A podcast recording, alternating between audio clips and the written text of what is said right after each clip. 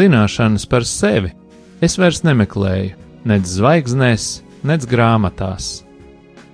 Es tās atrodu, ieklausoties pats sevī.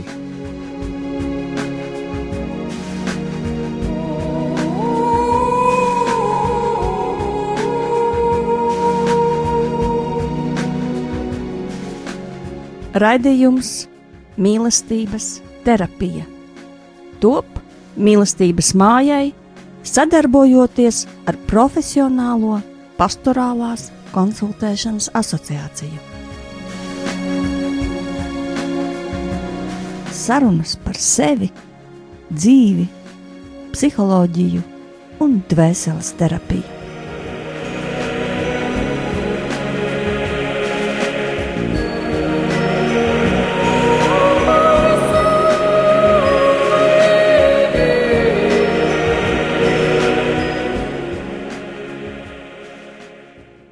Labvakar, mīļie radio klausītāji!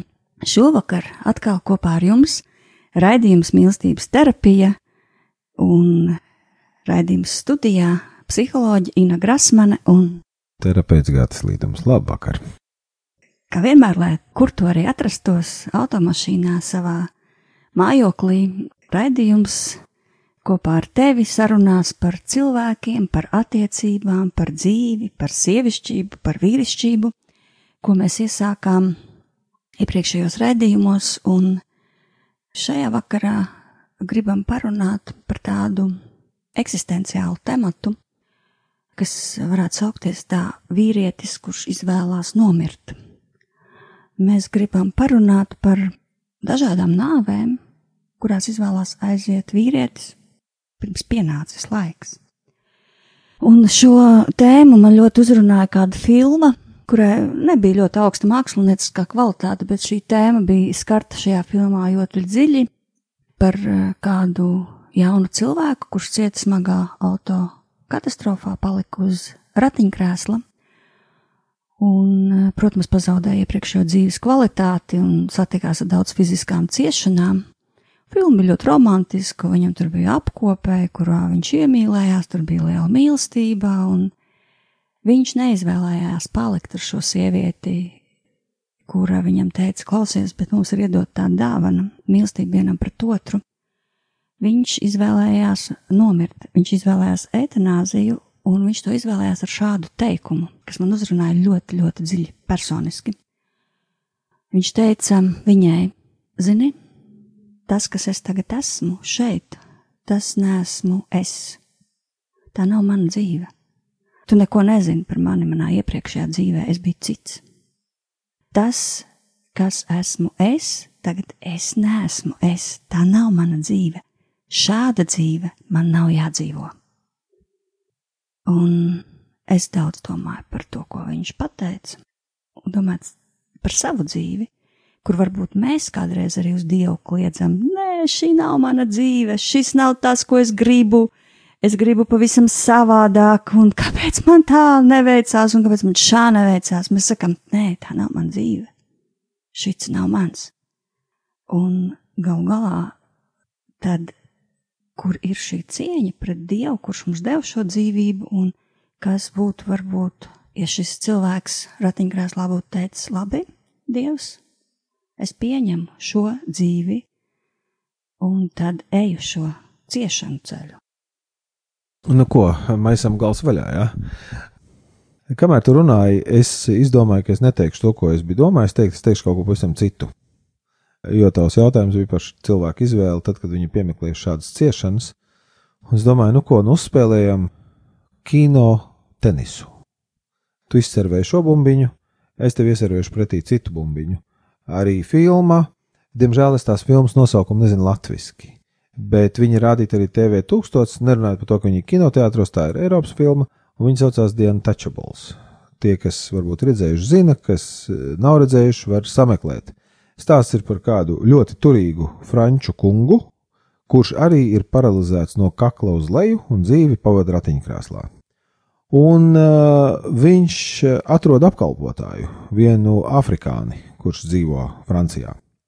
Un, kaut arī šis kungs ir pietiekami nīgrs un arī tāds nogurs no savas dzīves ratiņkrēslā, kāda tā viņam ir bijusi līdz šim, tad pateicoties šim te afrikāņu zelim, viņš filmas gaitā ne tikai ar savu apkopēju sadraudzējās, viņi kopā sāk doties dažādos piedzīvojumos. Šis afrikāņu zelis šim paralizētajam francūzim atdod dzīves prieku un beigās vēl sakārto visu tā, ka viņš viņu aizved uz randiņu ar brīnišķīgu sievieti filmas beigās, un tas ir tāds apliecinājums dzīvei un, un izvēlei dzīvot, ka, nu, nezinu, vai pēdējā laikā filmas par šo tēmu var būt vēl jaudīgāks. Tātad, lūdzu, šeit ir divas filmas. Viens puisis saka, nē, šī tāda dzīve nav mana dzīve, es viņu izvēlos neizvēlēties. Un otrā gadījumā, veiksmīgas apstākļu sakatības rezultātā, kāds kungs, kurš ir arī paralizēts no kakla uz leju, izvēlās izvēlēties. Ja? Nu, lūk, tātad pirmkārt tas apliecina divas lietas. Pirmkārt, tas apliecina pirmo lietu, ka mums ir kaut kādā veidā dotas tiesības šo jautājumu izvēlēties kaut kā lemt. Tas ir viens. Un otrs, es gan laikam īņķi neesmu redzējis to filmu, par kuru tu runāji, un es pēc tavas sejas tagad nezinu, vai tu esi redzējis to, par kuru es runāju, bet nu, mums katrā gadījumā, ah, tu esi redzējis, ok, tad tu zini, ka, par ko es runāju. Bet um, te ir viena lieta, es domāju, no kurienes var vispār sākt dancot šo danci, ir tā, ka, ja tu skaties rakstos un radīšanas stāstā, tad tu ļoti labi zini to pašu, ko zinu es, un to pašu, ko zina jebkurš cilvēks, kurš ir nopietni lasījis Bībeli. Mēs neviens neesam radīti dzīvē šajā pasaulē. Mēs esam no sākta gala radīti dzīvē paradīzē. Tā ir tā vieta, kurā mūs radīja, priekš kuras mūs radīja un kāpēc mūs radīja. Nu, kāpēc tur varētu būt varianti, bet neiebrauksim teoloģiskās tur tādās lietās. Un tad notika daži kļūmīgi atgadījumi, kur mēs cilvēki šo to samuļājām un sabojājām, un tad mūs izmeta no paradīzes uz vietu, kurai mēs principā nebijām radīti. Un tad mums iedeva līdz kaut kādu nelielu starta grūdienu, ja, nu, tur mēs rakstos lasām, ja, ka tad, kad Dievs cilvēks izraida no paradīzes, viņš pats viņiem darina drēbes, ar kurām viņi tagad var piesakties, nu, tad lūdzu ejiet un dzīvojiet tajā vidē, kurai jūs vispār neesat radīti. Bet, nu, tā sanāca, ka, nu, jums tur nāksies dzīvot, ja. Un es domāju, ka tas ir tas centrālais konflikts, un par to diezgan daudz ir arī daļdarbi dažādi, gan literāri, gan kinematogrāfiski, gan par to ir dažādi reliģiski domātāji rakstījuši teologi, ja, ka konflikts jau centrālais ir, ka mēs tiešām neesam radīti šai dzīvei. Nu, rīktīgi neesam. Un tad, starp citu, ja nav ticības komponenti vispār šajā sarunā, tad mums jāatgriežas pie grieķu stoiķiem, kur bija visgodīgākie, kur teica, ka, eh, ja tev apriebjās dzīvot tieši citāds, tad durvis vienmēr ir vaļā. Vienkārši iekāp karstā vannā, pārgriez sev vēnes un, un visu šo muļķību izbeidz un dodies prom no šīs pasaules. Ja? Tā ir vēsture, es to neizdomāju. Tātad tur ir vajadzīga kaut kāda sapratne par to, kas ir noticis, un, un ļoti spēcīga ticība tam, ka šī tomēr ir mūsu dzīve, jo kāds ir izdomājis, ka jā, mēs tikām radīti citā pasaulē, bet mēs tikām atsūtīti uz šo ar ļoti konkrētu uzdevumu, kurš mums ir jāveic. Un, protams, ja mums izdodas to veikt, pietiek spēka, taču ne visiem vienmēr pietiek spēka. Un tad viņi izstājās no šīs te lūgas. Viņi vienkārši nokāpa no skatuves.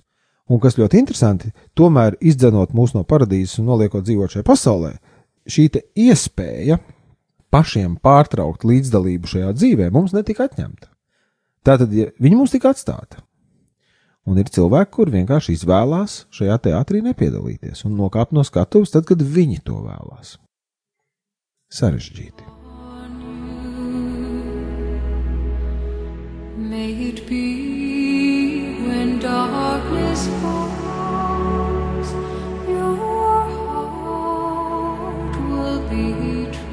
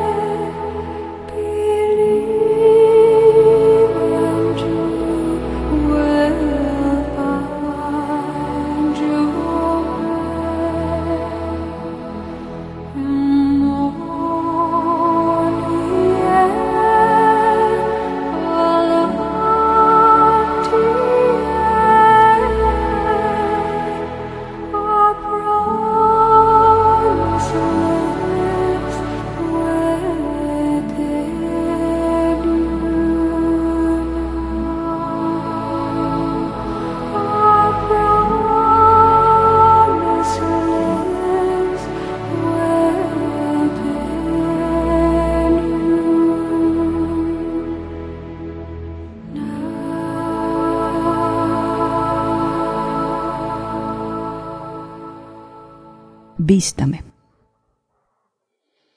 Ļoti bīstami. Jā, turpinot pa izvēli, man kaut kā nāca prātā arī eh, Viktora Frankla eh, grāmata, kur viņš runā par koncentrācijas nometni, kurā cilvēku cieņa bija, es nezinu, iznīcināta. Tas tā ļoti viegli teikts. Eh, principā cilvēks tika noģērbts kails, izvarots, nostādīts pretī nāvēji, viņa priekšā tika nošauti tuvinieki un, nu, izkropļots. Viņš toreiz rakstīja šajā grāmatā divas lietas, ka te var atņemt visu, pilnīgi visu uz šīs zemes te var atņemt, bet ir viena lieta, kur tev nevar atņemt. Tas ir tavs gars un izvēle tavā garā, kam tu kalpo, kur tu paliec, kas tu esi. O, viņš izvēlējās palikt uzticīgs savam radošajam garīgajam, profesionālajam aicinājumam un kalpojumam. Un sakropļots, sasists, bet atgriezās dzīves. Un es domāju, ka ir daudz tādas kaujas, tā ir ļoti, protams, šī vēsturiskā aina, tā ir ārkārtīgi ekstrēma un, un dziļi traģiska līnija un aina mūsu vēsturē, bet es domāju, ka šādas ainas traģiskas, ekstrēmas ir katra cilvēka dzīvēm Un katrs mēs piedzīvojam tādu iznīcinošu ietekmi uz savu pašvērtējumu, uz savu identitāti, uz vīrišķību, uz sievišķību. Vienmēr ir kāds trieciens, izaicinājums, kur rūkta tablete, kur pieļauj dievs gal galā, lai tu par kaut ko kļūtu, vai kaut kas patiešām būtu, ja tu iztur šos pārbaudījumus, un tā ir tava izvēle. Vai tu šo rūkto tableti tagad lieti savā mutē un vienkārši mācies? Mācies! vai tu saki nē? Nu, jauki, ka tu pieminēji Viktoru Franklu, jo to gan mēs aizkadrā nesarunājām, bet eh, arī es esmu lasījis to pašu viņa grāmatu un vēl dažas citas grāmatas. Un starp citu, starp citu, kādā citā vietā šajā pašā grāmatā Viktors Frankls arī saka sekojošu domu. Viņš saka, nu, ka nevajag čīkstēt un, un pļāpāt par to, ka koncentrācijas nometņu ieslodzītajiem nebija izvēles un ka viņus kā aitas dzina gāzes kamerās un viņi tur mīra. Un tālāk atcerieties, ko viņš saka. Viņš saka, viņiem visiem bija izvēle. Ja negribējāt gaidīt gāzes kameru, vienkārši vajadzēja uzsākt kautiņu ar tuvāko vācu sargkareivi un tikt nošautam minūtes laikā. Tā kā pat tur jums bija izvēle. Tā kā nepīkstiet, ka jums nebija izvēle. Bet kas interesanti, ka viņš šo sakot, protams, nu mēs varam pafantazēt, vai tas ir paradoks, vai viņš to mēģina kaut kādā veidā kaut ko pārspīlēt, ja, bet, bet idejiski arī šeit viņš saka, tev ir tiesības aiziet. Ja? Nesaka, ka tev nebija variantu. Viens no variantiem ir, ka tu varēji aiziet. Un, ja tu izvēlējies palikt tādu vai citu iemeslu dēļ, tad mums atkal ir cits stāsts. Bet ļoti interesanti, šī nianses tajā grāmatā parādās. Ļoti ātri un garām ejot. Tā kā, nu, arī Frankls eh, savā stāstā viņš nemaz nav. Nu, protams, ka viņš ir dzīvi apliecinošs un mm, lielais mērķis un virsmērķis, un šitā, bet arī šo viņš tajā grāmatā saka. Ja, tā kā, nu, arī šeit parādās tāda ēniņa par to, ka mums ir šī kontrola pār šo lietu principā. Jā, un tad paskatāmies uz mūsu ikdienas dzīvi. Mēs šodien dzīvojam, ejam pa ielu, mums nav koncentrācijas nometņu, bet ir. Bet ir. Ir dažādi cietumi, ir dažādi prosti. Un cilvēki tagad pieņem lēmumu, nu ko tad viņi darīs tagad tajā savā cietumā? Ko viņi darīs? Kāds izvēlās iešpricēt kaut ko vēnās un špricē ilgi. Kāds izvēlās dzert? Sākumā mazās devās, pēc tam lielākās, tad jau pavisam lielās. Kāds izvēlās mainīt partnerus nepārtraukti. Un tādā veidā izdzīvot, kāds izvēlās dzīvot ar trijām sievām uzreiz, dažādu vecumu. Jā, tā tad Nāves formas var būt ārkārtīgi dažādas, bet tas e, nāve, tas vienmēr ir grēks. Nu, tomēr, ja mēs skatāmies kristīgā kontekstā, nāve, izvēlēties nomirt, tas nozīmē izvēlēties grēku, izvēlēties tumsu, izvēlēties e, padoties, izvēlēties palikt aizvainojumā, tādās bērnišķīgos sprostos, savā spītībā, nerunāšanā, un dažādos citādos ikdienišķos it kā sprostos, kas vēlāk var izrādīties ļoti liktenīgi un nāvējoši, un tiek arī pārmantoti. Tad kādam tas tāpat ir jārisina.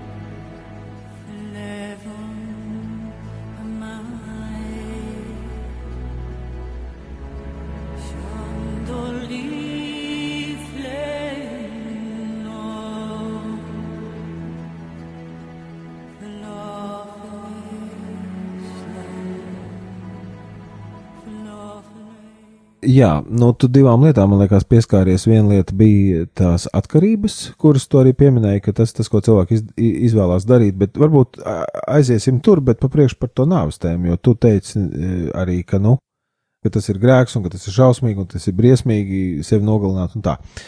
Nevienu no tām lietām nemēģinot reducēt uz kaut ko mazāk no tā, ko tu teici, ir tomēr vienlaikus jāpamana, ka tur ir nianses šajā stāstā. Un, ja tu skaties uz baznīcas tradīciju, kas ir, protams, būvēta uz svētiem rakstiem, bet tur jau ir likta klāta gudrība, novērojumi, interpretācijas. Tā tad, protams, jā, nu, mēs zinām, nu, ka pašnāvība ir viens no briesmīgākajiem grēkiem, un nevēl cilvēks, kur tādā veidā bija gājuši bojā, raka kapsētas žogam ārpusē, lai viņi netiktu svētītā zemē, jo viņi sevi nolēmuši mūžīgam postam, un tur nekas vairs nav darāms.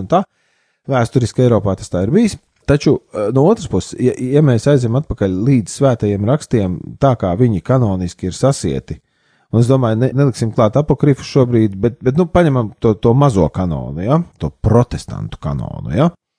Tad uh, paskatāmies, cik Bībelē ir pierakstītas epizodes, kurās ir minēta pašnāvība, kad kāds cilvēks pats sevi nogalina. Ir vecajā derībā kādas piecas, sešas. Es tagad domāju, būtu jāpaskatās. Jaunajā derībā, principā, tas ir jūdas. Ja? Atmetam nost jūdas. Tas ir pavisam cits stāsts. Un, un uz jūdas daudzi ir uzrakstījuši grāmatas un visādas teoloģiskas spekulācijas vērpuši. Labāk atstājam jūdas mierā. Aizējām atpakaļ tur, vecajā darbā, kur notiek īstā dzīve. Tad, kad notiek kaut kāds liels grēks, nu vai ir kalpošana alku dieviem, vai ir kaut kāda veida seksuāls grēks, vai ir slepkavība, jā, tad ļoti bieži vecās darbības tekstā mēs redzam, ka ir rakstīts, nu, viņš izdarīja to un to, Un tas kungs iedegās dusmās, un viņš sodīja, un viņi mira, un visiem bija slikti, jā, vai atkal viņi darīja to un to. Nu, tā bija negantība tā kunga acīs, un par to pār viņiem nāca šāds un tāds sots. Un kas ir interesanti, ja tu paskaties visas tās vietas vecajā darbā, kur ir fiksēts brīdis, kad kāds atņem sev dzīvību, nekur neseko šī tipa panti. Un tāpēc, ka viņš atņēma pats sev dzīvību, tāpēc viņš tā tā tā nav. Tas ir fiksēts kā ļoti bēdīgs fakts.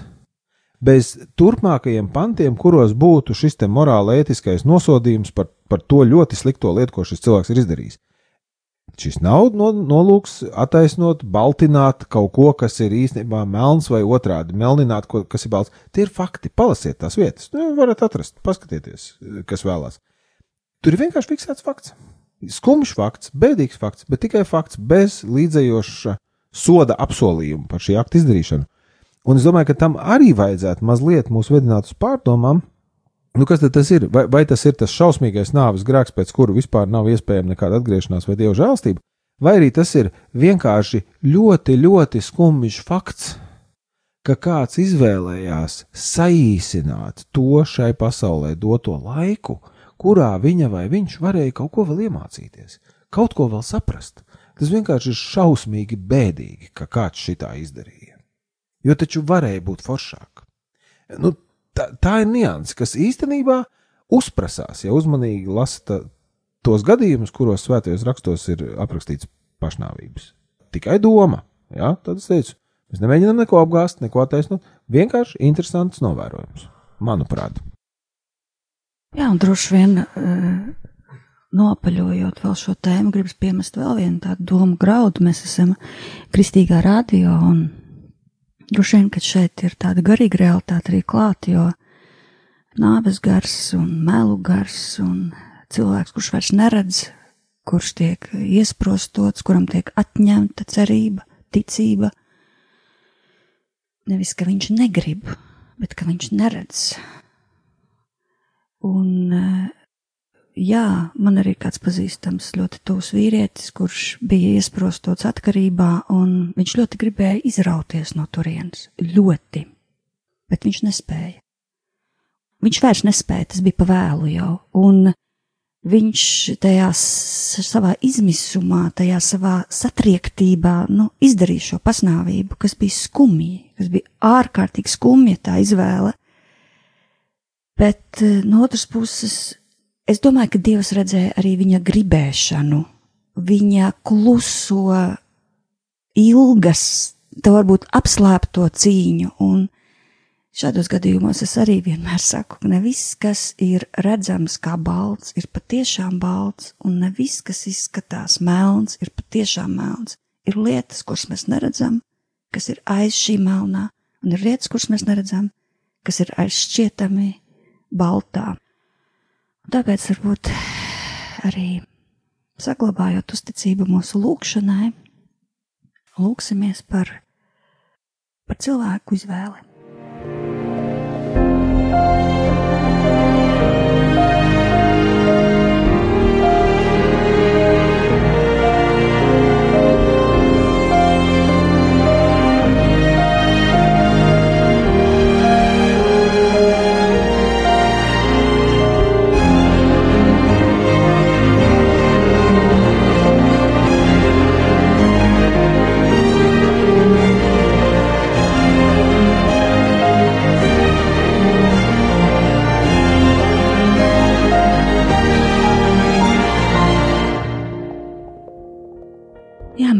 debesu Tēvs, mēs šodien kopā iestājamies par visiem tiem cilvēkiem mums apkārt, kuri pieņem šo izvēli - dzīvot, mirt, ticēt, neticēt.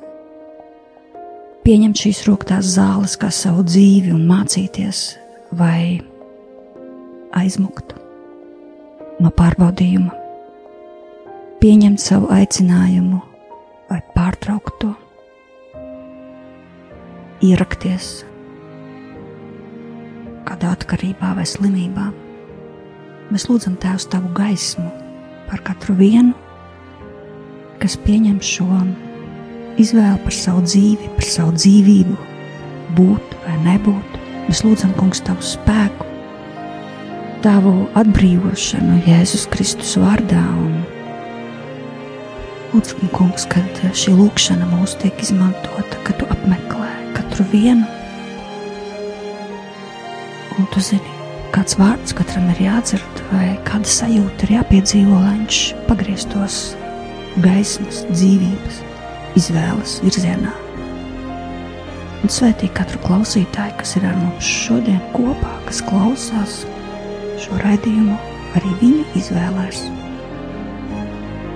Tās ir um, garu stiprinošas, dzīvību nesošas, veselību vairojošas un mīlestību kopjošas. To visu mēs lūdzam Dieva Tēva, Dēla un Svētā gara vārdā. Amen!